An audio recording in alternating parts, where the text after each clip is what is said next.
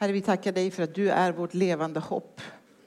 Herre, tack för att du gick i döden för oss, uppstod, besegrade döden, eh, uppstod på tredje dagen, Herre. Och att din heliga ande är utgjuten så att vi får leva i nära relation till dig. Närhet, enhet med dig, Fader. Vi ärar dig och prisar dig för din godhet. Mm. Kom heligande. Wow, tack för er otroligt inspirerande berättelse. Och tack för modet att våga kliva ut ur bekvämlighet och från det vardagliga och vara lyhörda Guds kallelse. Otroligt inspirerande och jag hoppas att ni vill stanna kvar efter gudstjänsten och lyssna mer på hur Ann-Sofie och Jonas har jobbat. Vi har uppehållit oss några söndagar kring en berättelse i Bibeln från Johannes 4. Och läs den i sin helhet i era smågrupper när ni ses där. I slutet av den berättelsen så står det så här. Eh, ni säger att om fyra månader, då är det dags att skörda. Men jag säger, se omkring. Fälten har redan ljusnat och är mogna för skörd. Där ska vi landa någonstans. Men berättelsen, om jag får ta spjärn utifrån den igen, så handlar det om en kvinna som går ut ur staden till en brunn mitt på ljusa dagen när det är som allra, allra varmast. Solen står som högt och högst just då. Och hon är den som går ut för att hämta vatten. Och jag kan se framför mig hur hon går Hela hon slokar. Ansiktet tittar ner i backen. Hon vågar inte möta någon med blicken. Hennes blick är kanske fäst vid sina egna fötter.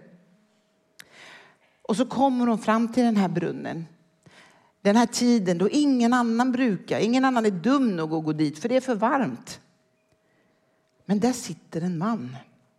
Och hon ser på avstånd att det är en jude som sitter där. Och hon känner säkert en tveksamhet. Oj, hur ska det här bli? Men där, vid den här brunnen, så får hon lyfta blicken och möta Jesu ovillkorliga kärlek som vi pratade om för några veckor sedan. De börjar prata de är från helt olika kulturer och hon vet att hon kommer från ett folk som anses orent smutsigt. Man pratar inte med dem, de är untouchable. Utöver det så har hon också personliga anledningar till att människor undviker just henne. För hon bär på en otrolig skam. Men så är det som att Jesus skapar det här safe place där hon blir trygg att våga öppna upp. Och hon bekräftar, jag märker, jag ser att du är en profet. Och istället för att bli smickrad eller bekräfta det så säger Jesus med rak och tydlig sanning till henne. Gå och hämta din man. hon säger, jag har ingen man. Nej men bra, du pratar sanning. Han berömmer henne. Nej men fem man har du haft. Han möter henne med ovillkorlig eh, kärlek men också med ett oförändrat budskap. Niklas pratade om nåd och sanning och att budskapet står fast. Och här händer också någonting. Det är som att både hennes ögon och hjärtan öppna, hjärtat öppnas ännu mer. Och i hennes ande så förstår hon vem han är som talar denna frigörande sanning till henne. Jesus sträcker sig över eller kanske mellan gränser och kulturer när han som judisk man talar till en samarisk kvinna för att be om vatten.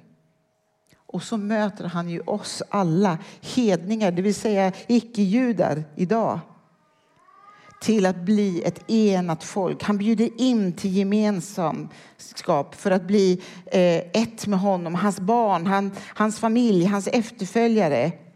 Välkommen in i familjen. Och han bjuder in henne till en obeskrivlig enhet.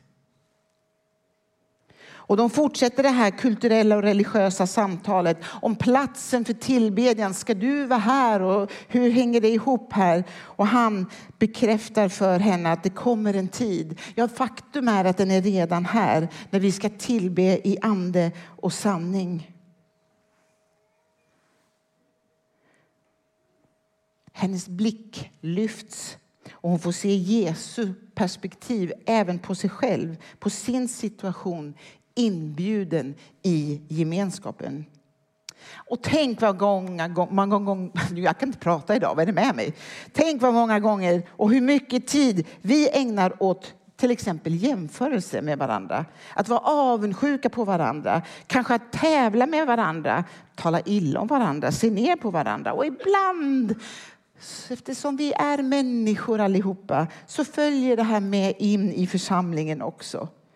Tänk om våra berättelser om hur vi kom till tro eller vilka gåvor och funktioner vi har. Den ena är bra på det andra och det ena är bra på det ena. Tänk om man istället kunde tänka så här. Jag har inte världens mest spektakulära berättelse om min omvändelse till tro. Men vet du vad? Det har min broder här. Eller, jag har inte barmhärtighetens gåva, men det har min syster här borta. Jag har kanske den här gåvan. Och i det kunna glädjas tillsammans och se att vi har barmhärtighetens gåva. Vi har spektakulära berättelser och vi har ganska vardagliga berättelser också. Men evangeliet står fast och Gud är god och det är han som frälser. Tänk att få glädjas i enheten. Jag vet att Jonas predikade fantastiskt om den förlorade sonen som kommer tillbaka. Tänk om den store brodern som välkomnar den struliga lillebrorsan som har slarvat bort hela sitt arv bara hade kunnat inte jämföra sig och tycka att han var bättre. Och lillebror, han har ju slösat upp allt och bara sagt låt oss glädjas. Vår bror som var förlorad är hemma. Men Jesus förklarar det kommer en tid, den är redan här. Och det säger han ju när helig ande ännu inte är utgjuten. Få ihop det här hörni. Den är redan här då vi ska tillbe i ande och sanning. Vi har alltså pratat om Guds ovillkorliga kärlek, att vi möter människor med Guds ovillkorliga kärlek med ett oförändrat budskap i och bjuda in till att vara en obeskrivlig enhet. Och idag ska vi prata om en obegränsad kraft. Apostlagärningarna, då står det så här. Lärjungarna frågar Jesus. Herre, är det nu du ska befria Israel och låta oss bli ett mäktigt land igen? Och han svarade, den tidpunkten bestämmer min far i himlen. Det är ingenting som ni får veta. Men när Guds heliga ande kommer över er ska ni få kraft.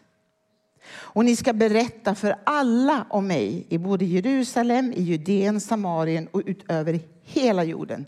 Hela vägen till Malmö i Skåne. Och det här har jag sugit på under min förberedelse. Så tänker jag så här, på ett annat ställe så säger Jesus så här. Ni tar alldeles fel eftersom ni varken kan skriften eller, eller förstår eh, skriften eller kraften. Varken skriften eller kraften, kraften och skriften, de hör ihop. Och det här är jätteviktigt. Kraft utan förankring i skriften riskerar att bli som bensin när det blir okontrollerat, bara explosivt nedbrytande och förstör. Men kraft i enlighet eller i kombination med skriften, det blir som bensin ett drivmedel, uppbyggande, vägledande och framåtsyftande. Och Jesus utlovar ande och kraft det är nästan lite, och det hör man ju här också, som att han lämnar över stafettpinnen. Jag har gjort mitt här på jorden. Jag behöver gå hem en stund. Nu vill jag att ni tar över. Så kraft, vad är det för kraft? Paulus han säger så här i Efesierbrevet 1. Jag vill att ni ska förstå hur otroligt stark den kraft är som han låter verka i oss. Det är samma mäktiga kraft som han lät verka i Kristus när han uppväckte honom från de döda. Och sen satte honom på sin högra sida. Det är samma kraft. Och du som brukar gå i kyrkan, du som har läst din bibel, du har hört det här så många gånger. Ändå så är det liksom, det tar tid, ödmjukhet för att det ska sippra ner från liksom här till hit. Att vi ska förstå hur otroligt kraftig och stark den kraften är. Men vid brunnen så pratar Jesus med kvinnan om det levande vattnet. Den som dricker av det här vattnet blir snart törstig igen, säger han. Men den som dricker av det vattnet jag ger blir aldrig i evighet törstig igen. För mitt vatten blir som en källa inom honom som pålar fram och ger evigt liv. Oj, jag har sugit på den här versen också. För man tänker att när, när, Jesus säger att kom till mig och drick, så tror vi ibland att det, här, det blir som en engångsmedicin och så är det mirakelkur och så bara är det löst allting. Och på sätt och vis kanske det är så. Men den här, när du dricker av den och står i ständig relation med Jesus, står i relation till helig ande, då är det som att den här eviga källan blir planterad i dig och du ständigt har den här liksom pålande livet att ge ut inom dig. Det bär du när du har tagit emot Jesus, när du har tagit emot helig ande. Då bara och festligt nog i söndags kväll på församlingsbönen. Vi var många förresten, vi var 18 personer, aldrig varit så många på församlingsbönen. Då är det en kille som får en bild av en, en eh, han, han, sa, han beskrev det som att när, när, vatten går ur ett badkar så blir det en cirkel. Men han sa att den här var åt fel håll. Den går uppåt och liksom gushes out. Ni fattar, som en fontän. Och jag blev jätteuppmuntrad för jag anade vad jag skulle predika om den här. Att bara Gud vill att det här ska få gush out. Jag vet inte vad det heter på svenska. Brista fram. Eh. Och senare i Johannes säger Jesus så här också. Om någon är törstig, kom till mig och drick. Den som tror på mig, ur hans inre ska strömmar av levande vatten flyta fram, precis som det står skrivet. Och med detta menade han anden som de trodde på skulle få. Så vattnet syftar enligt Bibeln på helig ande, det är inte mitt påhitt. Och vid det här tillfället hade som sagt inte helig ande ännu utgjutits. Nu har han det. Vi lever i en annan tid. Vi lever i en tid efter att den helige Ande, efter den första pingsten. Och du och jag behöver helig Ande. Vår församling behöver helig Ande. Vår nation behöver helig ande. Vår stad behöver helig ande. Jag vet att jag behöver. Och det finns ingenting i den här världen som kan släcka den törst eller ge oss den själsliga mättnaden eller tillfredsställen. Men oj vad vi försöker med annat. Makt, pengar, saker, inredning, sociala medier, jämförelser eller bara lägg till själv allt det här som upptar din tid och din bekvämlighet eller som tynger medvetet eller omedvetet. Men Jesus utlovar kraft till den som vågar ta emot stafettpinnen.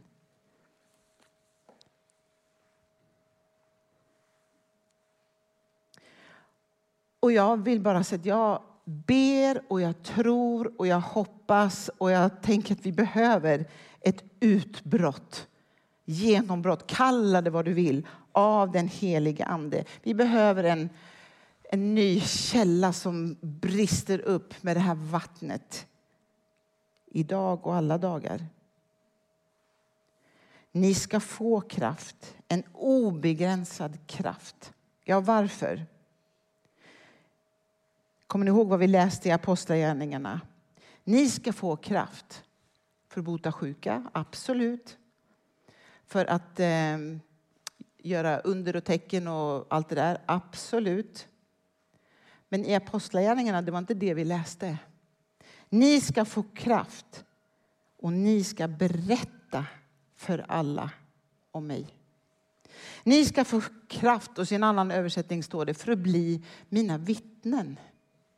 Ni ska få kraft att gå ut i hela världen. Med andra ord, det har aldrig bara varit meningen att vi ska få ett härligt, kraftfullt möte med Gud, vilket är bra. Jag önskar alla oss här inne det. Jag önskar verkligen alla oss här inne det. Men det är inte det det hänger på faktiskt. Om inte det leder till en slags förändring i ditt och mitt liv, i församlingens liv. Jag hade en pastorskollega som var på en helande konferens i Stockholm för ett gäng år sedan. Och heliga andes kraft kom över honom så att han kunde inte stå upp utan han, han låg på golvet längst fram i kyrkan. Och efteråt så sa han så här, både till Gud och sig själv. Jag har inte legat på golvet inför hundratals människor utan att det får ha ett skifte i mitt liv. Annars är det bara en andlig kick. En upplevelse som är häftig. Och många karismatiska sammanhang får kritik för just det här att man jagar de andliga kickarna. Ibland med rätta, men det finns också en annan sida av det myntet. Och det är att vi riskerar att undvika för att kraften för att vi blir rädda eller försiktiga. Skriften utan kraft blir lagiskhet. Eller kanske något ännu värre. Man kan tänka så här om kraften bara blir vårt fokus eller om någon av de här fyra, om bara den villkorslösa kärleken blir det vi handlar om och det som blir vårt fokus. Eller bara det oförändrade budskapet eller bara enheten. Så är det så lätt att missa poängen, missa målet. Som också är ett begrepp för vad då? Synd, just det. Vi behöver leva i ett levande vatten. Ett vatten som hela tiden och ständigt är i rörelse. En frisk och välmående sjö har både ett inflöde och ett utflöde. Då är den sjön ren och det är friskt och man kan bada och man kan dricka i det. Det finns döda havet. Det är som namnet säger, dött. Och varför är det dött då? Det har ett inflöde. Men det har inget utflöde. Så vattnet som kom in, och vattnet där blir bara saltare och saltare och saltare och saltare. Tills allting i havet bara dör. Ändå står det i Bibeln att du och jag kallade att vara världens salt. Salt och ljus. Men inte med bara ett inflöde och inget utflöde. För då blir vi lite väl salta. På samma sätt är det med den helige Ande. Om vi bara fylls på och fylls på och fylls på så blir vi också saltare och saltare och saltare tills någonting i oss dör. Jesus kallar oss att leva i den, som sagt, den här strömmen av levande vatten. En kraftkälla, ett inflöde och ett utflöde. Och jag bara tänkte just nu med, med er berättelse och det här med, med, med ni säger att om fyra månader är det dags att skörda. Det finns en kallelse till dig och mig att på något sätt stå bortom det vi tror är årstider. Vi vet, ni, det är många som planterar och sånt här och nu börjar man så här, eh, vad kallar man det, kallså eller jag kan inte ens det här, eh, fick jag höra igår. Eh, eller, eller man, man, kan, man, man, man börjar så saker, för det är tid för det nu. Men i Guds rike så är det alltid tid. Och jag har gått och burit på, för att jag i min personliga bibelläsning så hamnar jag vid, vid, när Jesus går förbi ett fikonträd. Och det finns inga fikon på det. Och vet ni, det är inte ens säsong för det fikonträdet. Det är inte årstiden för det fikonträdet att bära frukt. Och ändå säger Jesus, du ska aldrig bära frukt mer i hela ditt liv. Oh, det, det, är, det är liksom ord och inga visor. Därför behöver vi som församling vi behöver ett inflöde och vi behöver ett utflöde. Stor port, välkomnande inflöde av människor som är nyfikna på Jesus, som är nyfikna på tron och som längtar efter att få mening med livet och få bli hjälpta på alla sätt som vi har hört här idag. Och Alfa är ett fantastiskt exempel på det.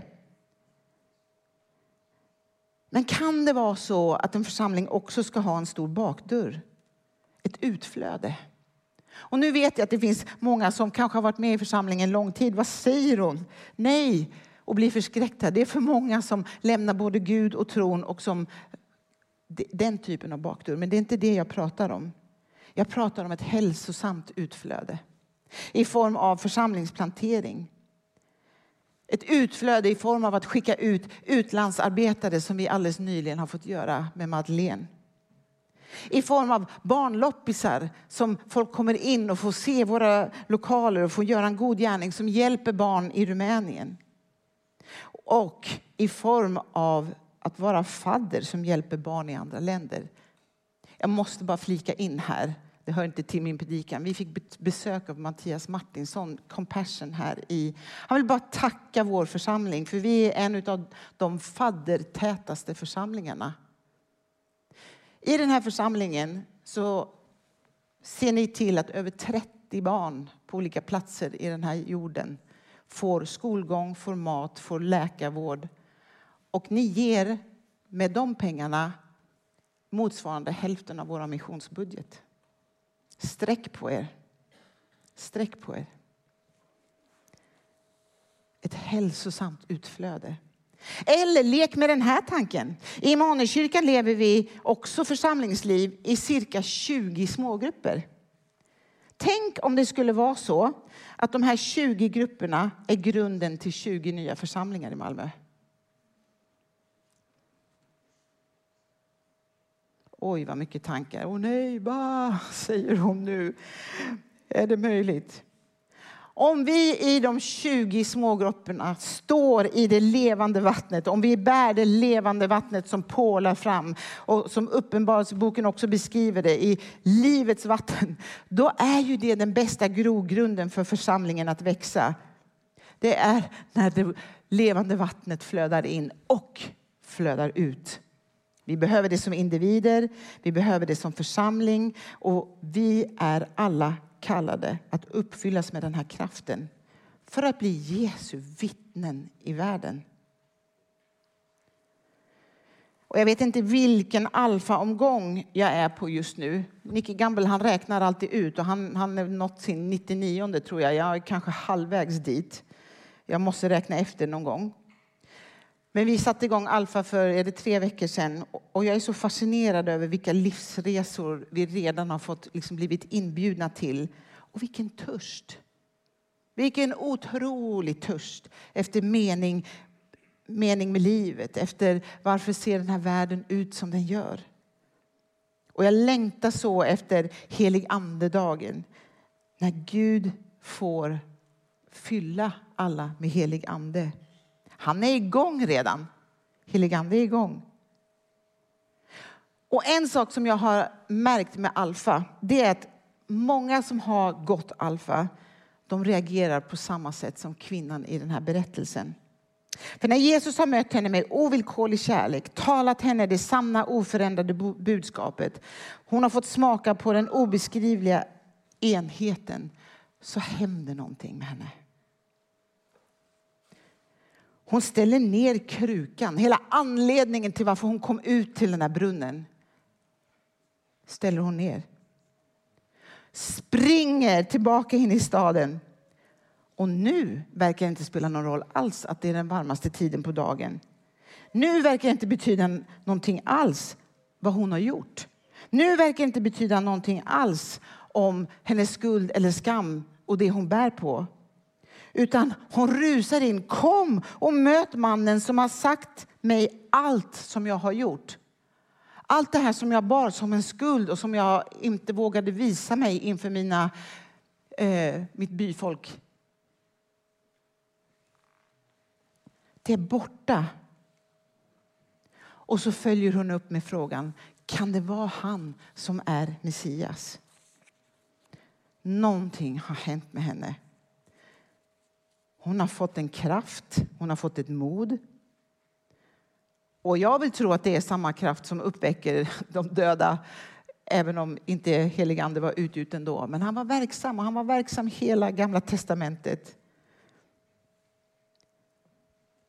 Kristenheten med Alfa i spetsen har lanserat, och det kommer ni höra mig prata mycket om, ett årtionde av evangelisation. A decade of evangelism. Och man vill att nu har cirka 30, 35, 40 miljoner människor gått alfa, men till 2033 som är millennieskiftet till Jesu död och uppståndelse så ska 100 miljoner ha gjort alfa. Inte för att alfa är det, men det är fantastiskt. Gud verkar på något sätt ha utgjutit sig själv i alfa och möter, människor möter Jesus genom alfa. Kommer något annat bättre, då gör vi något annat. Det är inte alfa, det är Jesus det handlar om. Men alfa är paketeringen.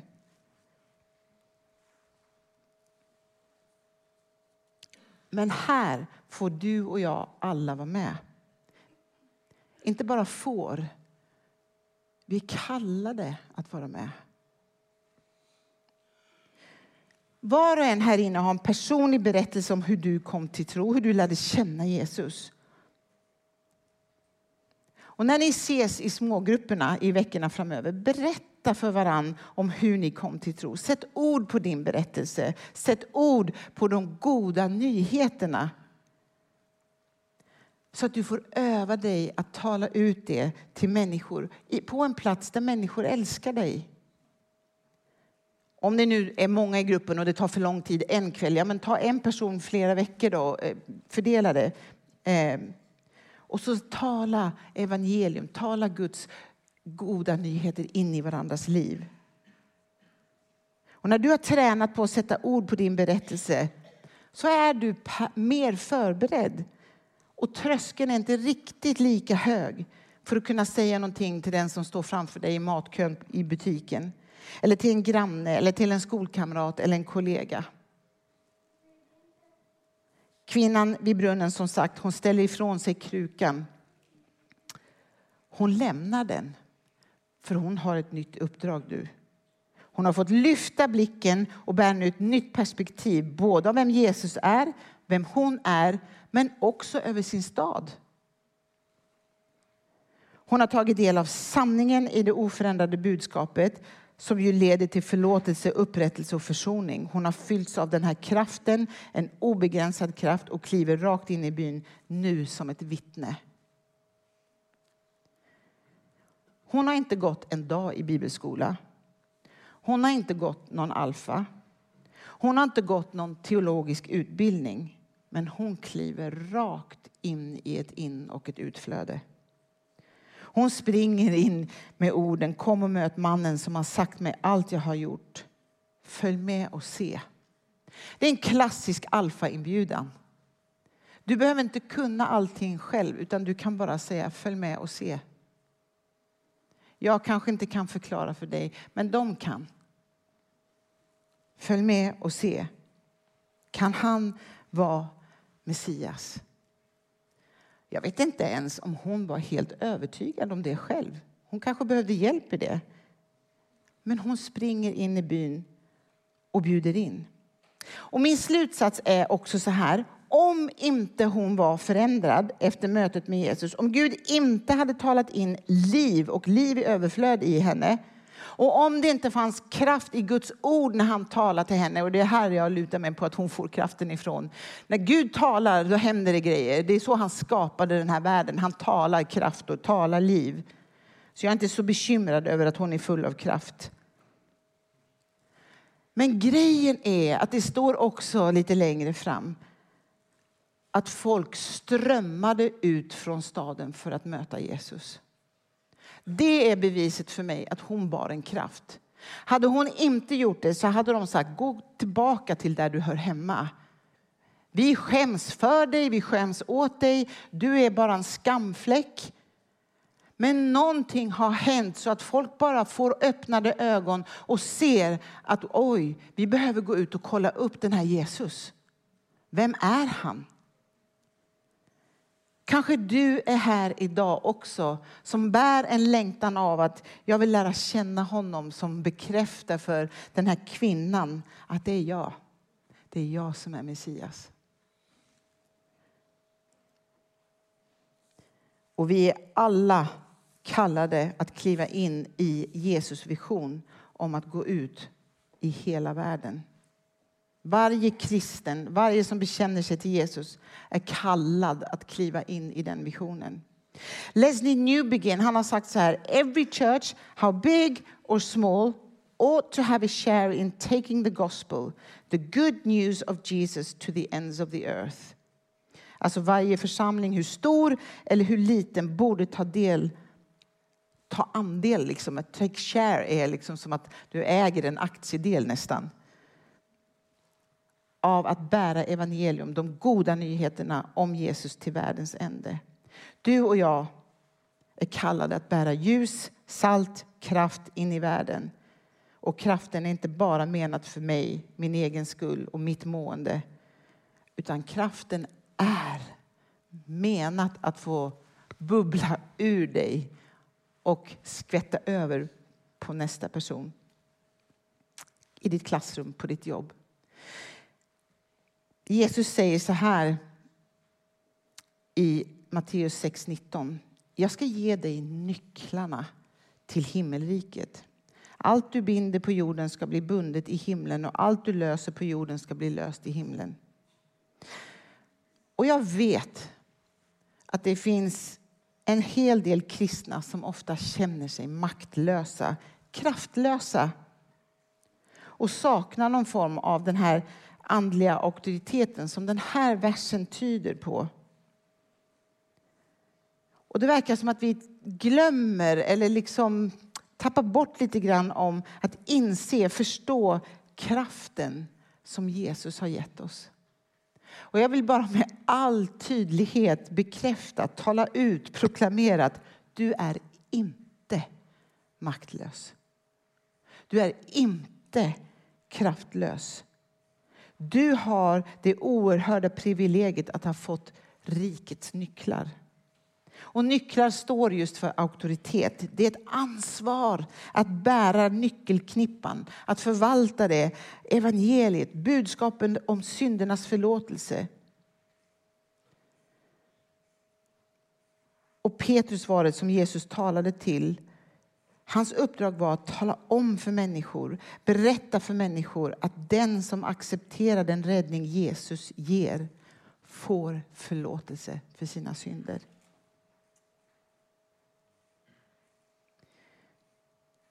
Jag tänker att jag stannar där. Och jag tänker att vi ska be ut en bibelvers tillsammans. Och vi ska be att den heliga Ande bara får komma och möta med oss. Ehm på nytt. Så att vi får äga den här levande vattnet inom oss ständigt och jämt. Ska vi stå upp? De här verserna är från Lukas 4. Välkända ord som, som Jesus säger om sig själv. Men idag vill jag att du talar ut om oss att det är en sanning över dig och ditt liv. Ska vi läsa tillsammans? Herrens ande är över mig för han har smort mig att förkunna goda nyheter till de fattiga. Han har sänt mig att förkunna frihet för de fångna och syn för de blinda till att befria de förtryckta och ut ett nådens år från Herren. Amen. Stå kvar. Så Fader, vi står här inför dig. Kom heligande. Kom och rör vid den som längtar och törstar och hungrar efter dig och din närvaro just nu. Första gången eller 101 gången. Herre, det är inte det viktiga.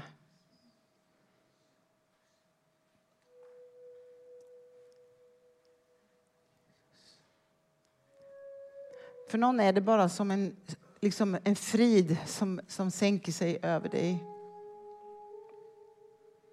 Ta emot den friden. För någon annan kan det vara saker som bubblar upp. Kanske något som du behöver be om förlåtelse för. Men ge det till Jesus. För någon kan det kännas som att det här vattnet pålar liksom antingen upp eller att det regnar ner över dig. Men stå kvar i det bara och ta emot det. Vi behöver uppleva Guds närvaro också. Vi behöver uppleva hans kraft.